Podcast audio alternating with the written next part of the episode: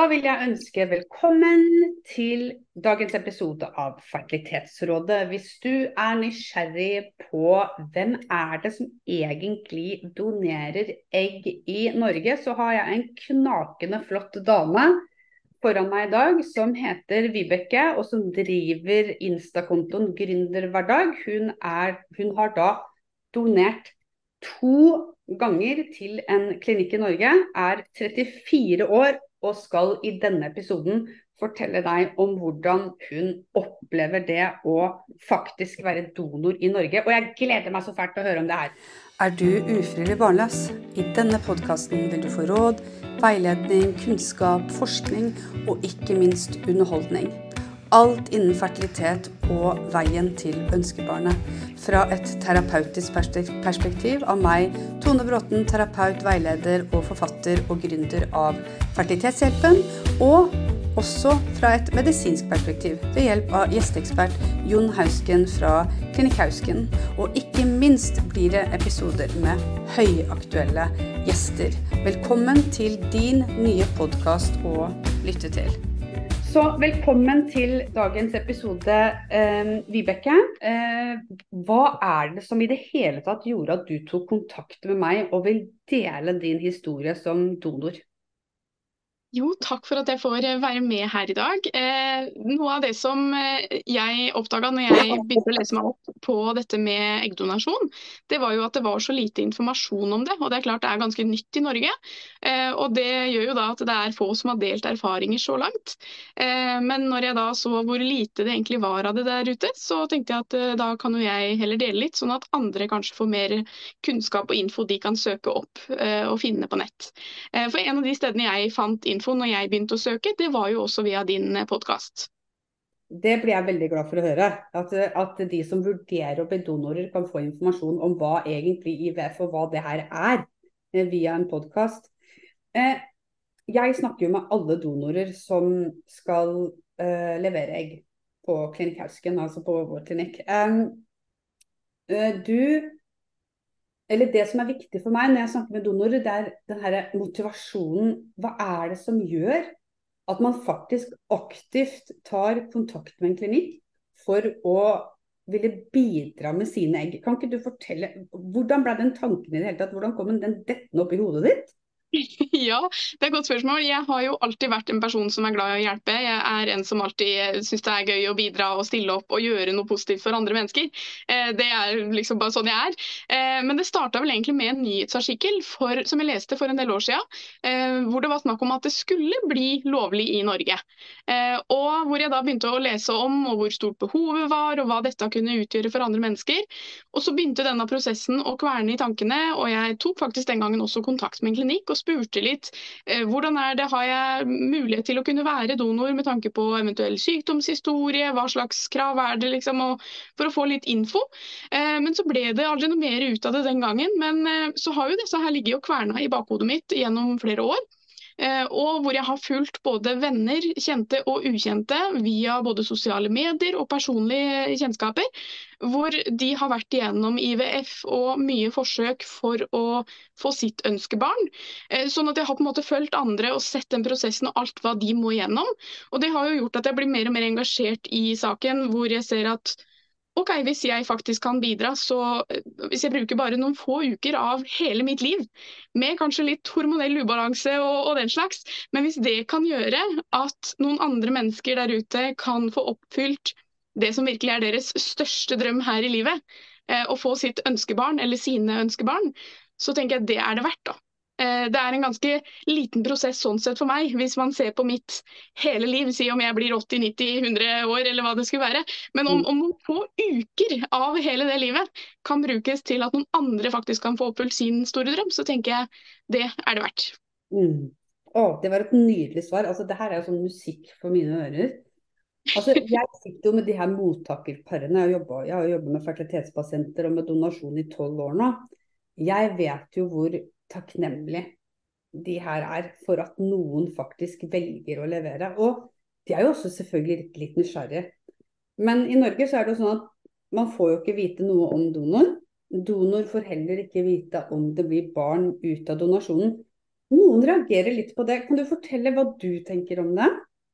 Ja, når jeg begynte å sette meg inn i å lese meg opp på regelverk og finne ut av hvordan fungerer dette her egentlig osv., så, så skjønte jeg jo det at her må jeg takle å leve i mye uvisshet. Det er en av tingene som donor. Fordi jeg har ikke rett på å vite verken om eggene blir brukt, om hvor mange av dem som det blir noe av, hvem, hvilken familie som får dem. Eh, blir det barn ut av dette? Eh, og, eh, men det er først når barnet fyller 15 år at de har rett på å vite hvem donor er. Så, det er jo ikke nødvendigvis dermed sagt heller at de ønsker å ta kontakt. Eh, så det må man jo på en måte tåle å leve i den uvissheten. Eh, og det er jo en del av den prosessen man går gjennom hos klinikken for å finne ut om man, er, om man kan være donor, da. Ja, for det vi, det, er, det, det, vi gjør, er at vi tar jo altså Én ting er liksom det medisinske, at man skal sjekke at du er frisk, både fysisk mm. og, og psykisk. Og den psykiske delen, den, den tar jo jeg med altså om det har vært noen diagnose innen psykiatri, eh, om hvilke tanker man har i forhold til at barnet kan ta kontakt. Og, og, og, jeg understreker ofte det her med at barnet kan ta kontakt, men barnet eh, skal få kjennskap til hvem donor er. Men det betyr ikke at den skal få en relasjon til donor. Eh, fordi mange kommende mødre som sitter der og er så heldige å få det her egget, Eh, de kan kjenne litt på at eh, oi, tenk om barnet tar kontakt med denne personen. 15 år, litt i sånn identitetskrise, tenåring. Og så er denne personen dritkul, liksom. Og så, og, og så hva skal jeg gjøre da? At det kan være noe litt sånn frykt eh, som kan komme frem. Og de er råtøffe, de her kvinnene som forteller om de her tankene. Og de er helt normale. Men da sier jo jeg at det som er tenkt, er at barnet skal få kjennskap til hvem donor er. Har du hatt noen tanker rundt det? At du har vært litt sånn redd at det kanskje kommer en etter fylte 15 år og skal liksom ha deg inn i, igjen i en relasjon? Har du tenkt på det? Ja, jeg har jo selvfølgelig tenkt på det, fordi det er jo også noe som potensielt kan skje. Noen ganger så kan man jo oppleve at barnet ikke ønsker kontakt, andre ganger så kan det være at den bare ønsker å vite, men uten å ha noen relasjon, som du sier. Mens mm. andre ganger så kan det være noen som kanskje ønsker å ha en relasjon. Eh, så, så, det må man på en måte tåle å skal jeg si, både ta, må ta det litt som det kommer, ettersom hva barnet eventuelt ønsker. Og, og, der kjenner jeg på veldig respekt overfor det som du sier, de som er foreldrene til barnet. fordi selv om det er noe genetikk fra meg, så er det jo ikke jeg som er det barnets forelder. Og det syns jeg er så viktig å få fram. Eh, jeg har jo også da satt fra meg alt av rettigheter og plikter og det som er. Så, så for de som sitter og lurer på og vurderer hvordan det er med, med eggdonasjon, så, så, er jeg opptatt av å få fram at det er, det er faktisk ikke jeg som kommer inn der og skal ta over noe for det barnet, for det barnet er deres. Det er deres, eh, deres barn, og dere, de er foreldrene. Eh, men om det er et barn som ønsker en kontakt i fremtiden, så om det er eh, en som kommer til meg om 15 eller 20 år og, og ønsker å ha en relasjon, så syns jeg bare det hadde vært en, en, hyggelig overraskelse. Det er ikke noe jeg forventer, det er ikke noe jeg kan på en måte mm, si at det kommer til å skje, for det vet man jo ikke. Men det kan også være en, noen som ønsker å bare vite om, men uten å nødvendigvis gjøre noe mer ut av det. Så, ja. så for min del så tenker jeg at uh, det må jeg bare ta som det kommer, og så eh, ja. jeg bare er litt sånn nysgjerrig, for det, det syns jeg uh, altså, det, altså, du har fortalt Hvem har du fortalt altså, du, du, vil jo gå ut offentlig på en måte og fortelle at du har vært donor, ikke sant? Så jeg mhm. regner med at du har fortalt foreldrene dine, f.eks. Ja. Eh, hvordan reagerer de på det her? Eh, de syns jo, jo, de synes jeg gjør en veldig fin ting. De syns at jeg gjør en veldig god, eh, god gjerning da, mm. som bidrar med det her. Og som jeg også har vært åpen om på, på min Insta og, og, rundt denne prosessen, er jo også det at jeg personlig er jo frivillig barnløs.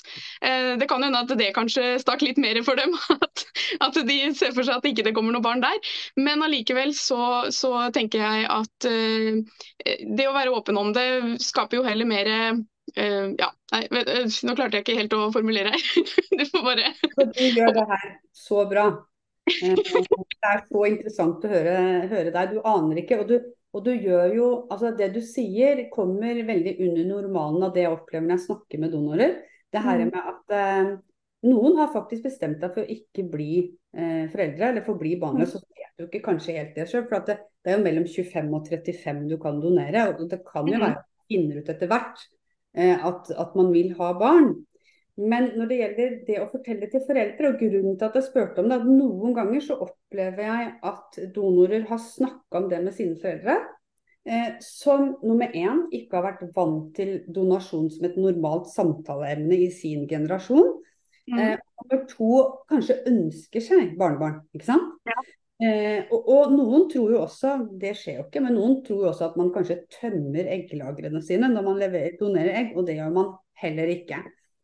Og en viktig ting jeg tenker er eh, veldig viktig oppi dette her, det er at det, når det her egget kommer fra deg, da. Det kunne jo blitt en mensen, for så vidt, ikke sant.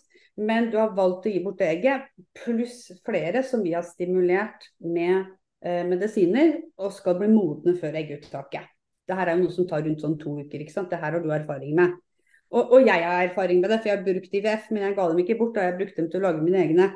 Men det som er viktig, er at det, det, når det egget blir befrukta og det settes inn i mottakerkvinnen, så er det mottakerkvinnens kropp som bestemmer hvilke gener som skal aktiveres i det embryoet. Og det har et enormt påtrykk og påvirkning. Eh, altså bærer mor til barnet. Definisjonen mor i Norge er jo den som har daglig omsorg for barnet. ikke sant? Og i Norge er det sånn føder du barnet ditt, så er det ditt barn. Det er ikke noe sånn papirarbeid eller altså, Det er sånn enkel, enkel regel i Norge, da. Men det her er informasjon som den generasjonen over oss kanskje ikke sitter og har så mye kunnskap om. Og du sier at du har ikke noe eh, Du sa det at hvis barnet tar kontakt, så har jo ikke du noe link til det barnet. Altså det, er ikke, noe du skal gjøre. Du har skrevet fra deg det her. Du må stå i et donorregister i 100 år for at barnet skal kunne ta kontakt seinere enn 15, hvis man ønsker det. Det er det på en måte du har sagt er greit, at barnet skal få vite hvem du er. Ikke sant? Så jeg syns det når du sa at ja, de kanskje ble, reagerte litt i forhold til at du sjøl ikke skal ha barn, at man kanskje kan reagere litt med sorg på det, da, hvis man er foreldre og barna, din, barna vil ikke ha barn. Men har du helt bestemt deg? Ja, jeg har i alle år så har jeg kjent på at det er ikke noe som har vært noe drøm for meg. Eh, jeg pleier å si jeg, er glad i barn, men jeg er også glad i å kunne levere dem tilbake. så jeg er gjerne den som kan passe venners barn, og eh, la dem da heller, altså foreldrene der heller få litt eh, avbrekk og fritid av det som jeg er så heldig å kjenne på hele tiden. Da. For, for, min del så er det jo sånn jeg ser det, at jeg har jo en så stor frihet uten. Eh, mens de vennene mine som, som, kanskje trenger litt avbrekk, da kan jeg være en sånn filletante som kan være litt barnepasser der innimellom, og så kan de få lov til å nyte den friheten, og så er de tilbake til barna sine og jeg er tilbake til min frihet etterpå. Ja. Så, så, det er jo Ja. Men jeg har jo også tatt meg sjøl i eh, tidligere og sagt når jeg har holdt forelesninger osv. at ja, den gangen i fremtiden når man får mann og barn og sånn og sånn. Men det har jo sagt mer, det er jo innsett i ettertid at jeg har sagt det fordi samfunnet forventer det, og ikke fordi at jeg faktisk har hatt et personlig ønske om det. Mm. Så for min del så har det aldri vært en, en, drøm eller et ønske om å få egne barn. Eh, men det er også som jeg sier at eh, det er viktig å få fram, og det har jeg også vært veldig opptatt av å få fram når jeg har delt om dette her i sosiale medier og for å spre litt kunnskap om det. Det mm. påvirker ikke ens egen fertilitet. Så selv om jeg er personlig eh, frivillig barnløs, så betyr ikke det at eh, de som eventuelt ønsker barn senere, ikke kan være donor eh, før, det, før, den tid, da, for å si det sånn. Mm. Det her med å eh, eh, det her med å være donor og det å tillate eggdonasjon, det har jo ikke vart så lenge i Norge. Mm. Noe av politikernes perspektiv har jo vært det at det ikke skal være økonomisk på en måte motivasjon i det. Eh, og det er jo ikke mye man får, vil jeg si, fra mitt ståsted. 5500 kroner er det vel, og ingen da utgifter i forhold til medisin, reise, opphold osv. Um, hva tenker du om den biten? Ja, eh, når jeg hadde bestemt meg for donor, eh, altså å være donor, så hadde jeg ikke funnet noe sum på det eller noen ting. For det var ikke det som var min, altså mitt grunnlag, det var ikke det som var min grunn til å være donor. Det var ikke det økonomiske. Men det er klart når jeg begynte å søke om erfaringer, hvordan fungerer det, hvordan er prosessen, hvordan er lovverk, alt dette her rundt det, så fant jeg jo informasjonen om det. Men når jeg prøvde å søke etter personlige erfaringer om det å være donor og det å gjennomgå IVF osv., så, så fant jeg jo en del videoer fra USA. Og Ja. der, Der der er det jo både ganske annerledes med både regelverk, kompensasjoner og det ene og det andre.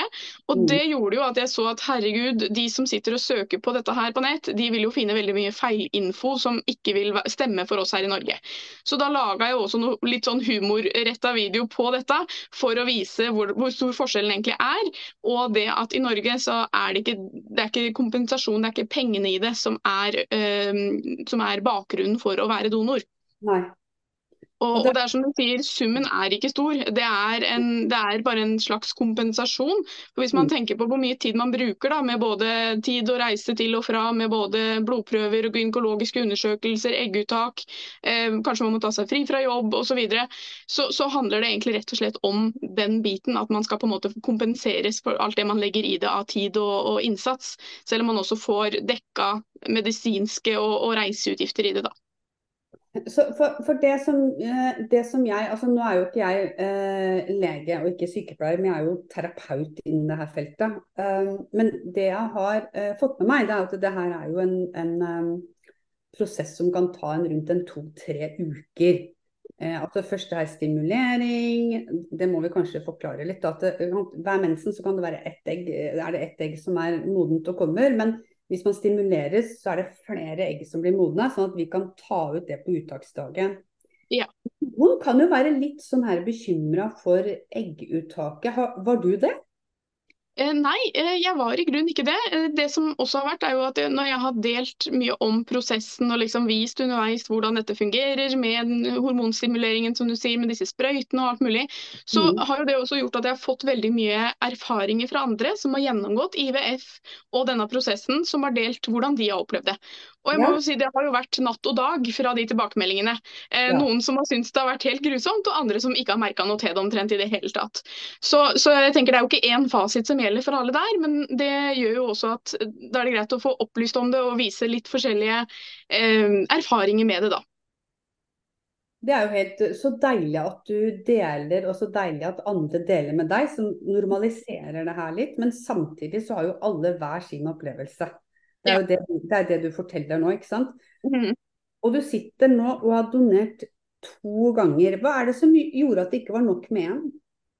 Nei, altså jeg tenkte når eh, jeg hadde gjennomgått første runden, så, og, og klinikken har vært veldig sånn at du er ikke plikta til å de, ta det flere ganger, men du har lov til å bidra tre runder hvis du ønsker det. Eh, så følg litt på det sjøl etter at du har vært igjennom den første runden, og, og kjenn på om du ønsker det eller ikke.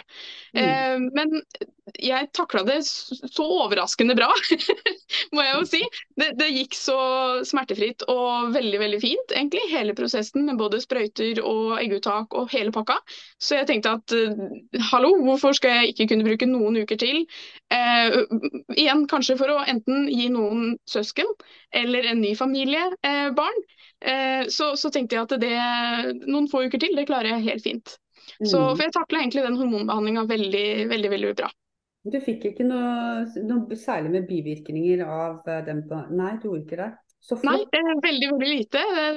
Det, det verste var på en måte litt kviser. så, Det så det kan jeg leve med, det kan jeg overleve.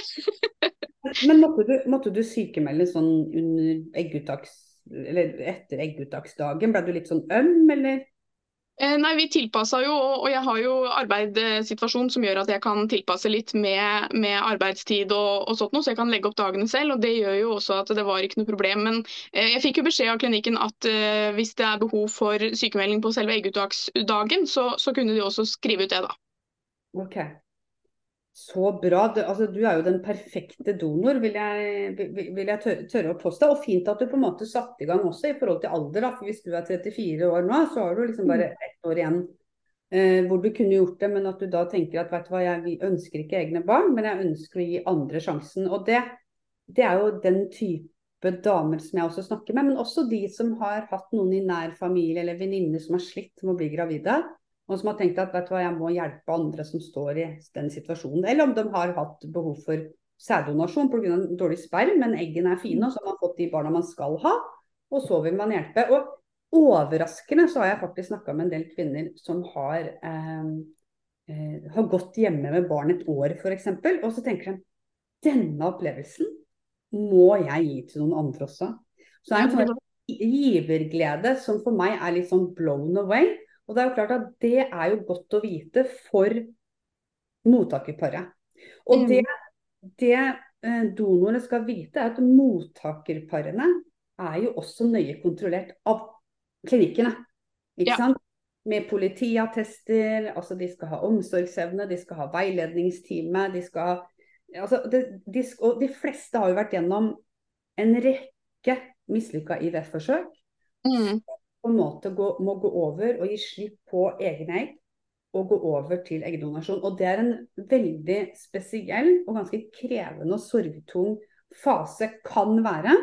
Ja. Hvor eggdonasjon blir en veldig god løsning, men kan Mm. også bli selvfølgelig et eh, nederlag. er et lite nederlag for alt man har gjort for å få genetiske barn. Ja, Så- og det er som du sier, de har vært igjennom så mye. og Jeg tenker det at eh, De barna som kommer av donasjon, de kommer virkelig til et hjem som virkelig har ønska dem, og, og det har vært deres store drøm gjennom livet. Så, så der, eh, for Det har jeg også fått noen spørsmål om, men, men hva, om kommer hva om barna som kommer ut av din donasjon ikke kommer til et godt hjem, eller er du ikke, har du noen tanker rundt det og sånt? Og da tenker jeg at De har vært igjennom en så stor prosess, eh, både følelsesmessig, fysisk, psykisk eh, og, og også økonomisk for å få til det her. Så jeg tenker det her er virkelig, det er ikke noen som bare har eh, ved en tilfeldighet akkurat. Det her er noen som virkelig har jobba for og ønsker seg dette barnet, og da kommer de til å gi vel så mye kjærlighet eh, der i det hjemmet, tenker jeg. Mm. Jeg syns det var så fint at jeg bidrar til at et barn kommer til et godt hjem. Måtte skrive det opp, jeg. Ja. eh, jeg eh, Altså, vi snakka litt om meg, man får, man får ikke så mye penger kanskje for å gjøre det her. Men når du har gjort det her to ganger nå, og du vurderer nå å gå i gang for tredje gang, hva er det du egentlig sitter igjen med som gjør at du tenker at det er verdt det? For det første så vil jeg jo si det at når jeg har delt og vært så åpen om denne prosessen, så har jeg jo fått tilsendt og fått innblikk i så enormt mange historier av folk som har vært igjennom så mye for å få sitt ønskebarn. Mm. Og når jeg får høre om og hva disse menneskene har vært igjennom, så Mm. får jeg jo bare så enorm respekt for alt det de gjør for å oppfylle den drømmen sin. Og det Mm. gjør jo at det jeg, det jeg gjør, holdt på å si det lille jeg gjør, da, eh, det, det, det skjønner jeg jo og får en helt annen respekt for hva det faktisk betyr for noen andre. Og Mm. det gjør jo bare at givergleden blir enda større fordi at jeg ser hva det faktisk betyr. Mm. Eh, og, og, hvis det kan være en sluttløsning da, for de som har prøvd lenge med sine egne egg, men hvor, det, eh, hvor de må gå over til et annet alternativ, og hvor det kan oppfylle drømmen, da tenker jeg at det er det verdt. Eh, og i tillegg så, så er det jo også det at eh, i tillegg til at jeg selv har kunnet bidratt, så ser jeg jo både hvor mye eh, mangel på kunnskap og info om det det er der ute, og Mm. hvor, hvor mye det har eh, gjort da, at jeg har delt, og hvor mange som har engasjert seg i det, spurt, eh, lært seg ting om det, som, som både står i situasjonen og vurderer det selv, men også de som ikke nødvendigvis står der, og, men, men som bare syns det er spennende å sette seg inn i eh, hvordan dette her fungerer, og, og lære seg om det. Men igjen som skaper en mer åpenhet i samfunnet. da.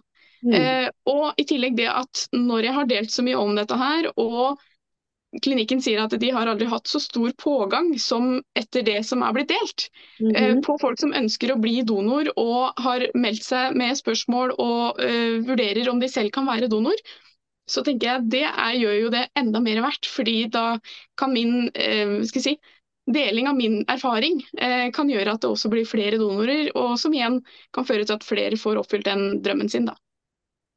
Wow. Jeg syns det er fantastisk det du har gjort, og det du gjør for eh, de her parene. Og ikke minst eh, eh, det her eh, kommende barnet. Det er jo litt sånn at eh, altså legene her er jo pålagt til å skulle matche eh, etter utseende. Det er øyefarge, hårfarge, etnisitet, høyde og vekt. At det, at det skal matches. Ja. har, du, har du tenkt noe på det? Syns du det er spennende? Eh, nei, eh, det var jo også en ting som jeg mm, på en måte eh, måtte sette meg inn i og lære om. Og få, få vite hvordan fungerer dette egentlig. Hvordan, eh, hvordan matches et barn og, og ja. eller foreldrene og, og donor. Eh, men det er jo kjempespennende. Og der tenker jeg jo eh, dere på klinikkene som sitter med den erfaringen og kunnskapen, mm. og, og, som kan sitte og, og, plukke ut og velge, tenker jeg jo blir det beste for foreldrene. Og, og spennende også å høre om forskning og hva som har mest å si for at barn og mor eh, da skal få den beste connection også, eh, selv om egget ikke nødvendigvis kommer genetisk fra henne. Mm. Det er klart at Når jeg formidler til eh, kommende foreldre av eggdonasjonsbarn, eh, veld, veldig mange av de er jo interessert i å høre hvordan skal vi formidle det her til barnet. De vil jo gjøre det best mulig til barnet. Det jeg prøver å si da, det er at det er litt viktig å ikke opphøye donor, ikke legge for store forventninger. Ikke si at det var en kjempesnill dame som kom på døra og banka på og ga oss det her. Men at det faktisk var legen og sykehuset som hjalp til med et egg. Også i del to så kan man si at det var en kvinne som ga egg til sykehuset, men hun var ikke interessert i å eh, få barn eller få deg som barn. Men hun ville bare gi bort egg for å gi andre muligheten. Og, mm. at hun vet noe om, vet noe om deg. Eh, og det, det, tror jeg er viktig, det å sette sykehuset og legen mellom donor eh, og, eh, og, foreldrene. Ikke sant? Eh, jeg er også veldig nøye på å ikke kalle barn for donorbarn. Jeg synes ikke Det er mm. en egen, det er jo ikke noe eget folkeslag, dette her. Eh, det barn av eh, donasjon. Mm. Eh, og at, at, man selvfølgelig skal være takknemlig for at noen leverer egg, som man er takknemlig for at andre donerer blod eller organer eller hva det skulle være. At vi har den, den muligheten. Men som du sier, det er jo mottakerparet som er for foreldre. Det er liksom Egget er på en måte en, en liten oppskrift. Og så er det da, når det blir befruktning og settes inn i mor, det er da det spirer til liv. Så, så den takknemligheten å gi denne lille oppskriften, da, eh, det, det, betyr jo så mye. Den der lille biten av, som er igjen av at puslespillet blir totalt, eh, den er jo så viktig. Og du har gitt den lille biten, kanskje til flere, det vet vi ikke. Altså På de fleste klinikker så er det jo sånn at dine egg blir gitt til ett par. altså Noen deler det på to, men det er ikke så vanlig det. Eh, så jeg tenker at det er litt viktig å tenke at jeg har gitt faktisk muligheten til et par som har slitt lenge, sånn som du beskrev i stad. Det som jeg tror også er litt viktig å få fram, det er at hvis du f.eks. har Jeg vet ikke hvor mange egg du fikk ut der første gangen? Første gangen så ble det åtte egg, og andre gangen så ble det ti egg. Åtte og ti. Og noen kan jo tenke som kanskje ikke har så mye kunnskap om det, at oi, eh, det ble åtte unger første gangen og ti er gangen. Men sånn er det jo ikke. Ja, de åtte eggene de blir jo lagt i, en, i, en, i et beger, og så helles det da eh, sperm over. Eh, eller det blir brukt ICSI. Det betyr at hvis det er litt svekka sædkvalitet, så kan man faktisk presse sædcellen inn. Det går an. Eh, men det er aldri sånn at alle de eggene deler seg perfekt i tre til fem dager og blir satt inn. Men kanskje det er noen, noen få, da, kanskje tre eller fire eller to. eller Så tar mottakerkvinnen da og setter inn et ferdig befrukta egg og ser om hun har blitt gravid. Og tar testen da ti dager etterpå. Eller at hun ikke blir gravid. Men da har hun faktisk de andre på fryseren. Det høres helt forferdelig å ha noen barn på fryseren. Eh, og det er ikke barn heller, det er embryo. Men, men, men, det er litt viktig på en måte å vite litt om den prosessen. At selv om du får ut ti egg, så er ikke det ti sjanser til å bli gravid. Men kanskje det er noen få sjanser til å, å bli gravid. Men da har du i hvert fall gjort ditt for å bidra til eh, at dette paret skal, eh, skal klare det. da. Mm. Eh, nei, jeg synes det var eh, det, det, er så spennende å høre, høre, om det her. Men du som har valgt å donere, tror du det her kommer til å være noe du eh, tenker på jevnlig? Eller tror du at nå har jeg donert eh, i den alderen jeg kan donere. Eh, nå tenker jeg ikke så mye på det her lenger. Hva, hva tenker du sjøl om det? Jeg tenker nok at det blir mer som det du nevnte sist, at jeg har donert. Og jeg, jo, jeg er jo innforstått med at jeg kan på en måte ikke eh, skal jeg, si, jeg, må, jeg, må, tåle å leve i uvitenheten. Eh, men samtidig så er det jo noe som jeg har vært igjennom. Det er noe som det kanskje kommer opp i en samtale når man snakker om noe rundt IVF eller ønskebarn osv. Så, videre. så Så kanskje det kommer opp eh, noe spørsmål eller tanker rundt sånt noe. Men bortsett fra det så tenker jeg at det er noe jeg på en måte eh, legger litt bak meg som en, en, livserfaring, noe jeg har vært igjennom, noe jeg har kunnet bidratt med. Og, og mm. håper at det kan ha gitt eh, noen eh, det oppfylling av den ønskedrømmen sin. da. Du vet, Det syns jeg var en nydelig avslutning på en fantastisk episode av en podkast i Fertilitetsrådet. Den her tror jeg mange kommer til å synes er veldig interessant å lytte til. Eh, og at du er så åpen og ærlig og beskriver så flott da, hvordan det oppleves å være donor. Motivasjonen bak å gjøre det, tanker om framtida og nåtida. Det, det, det, tror jeg bare er super, eh, superinformativt og bidrar akkurat på det feltet du sier, at det finnes lite informasjon der ute. Tusen hjertelig takk for at du ville være med i, eh, i podkasten Fertilitetsrådet. Det setter jeg kjempestor pris på. Eh, og også at du vil dele historien din. Takk for at du fikk være med, og takk for at du bidrar med så mye god kunnskap og erfaringer ut til folket.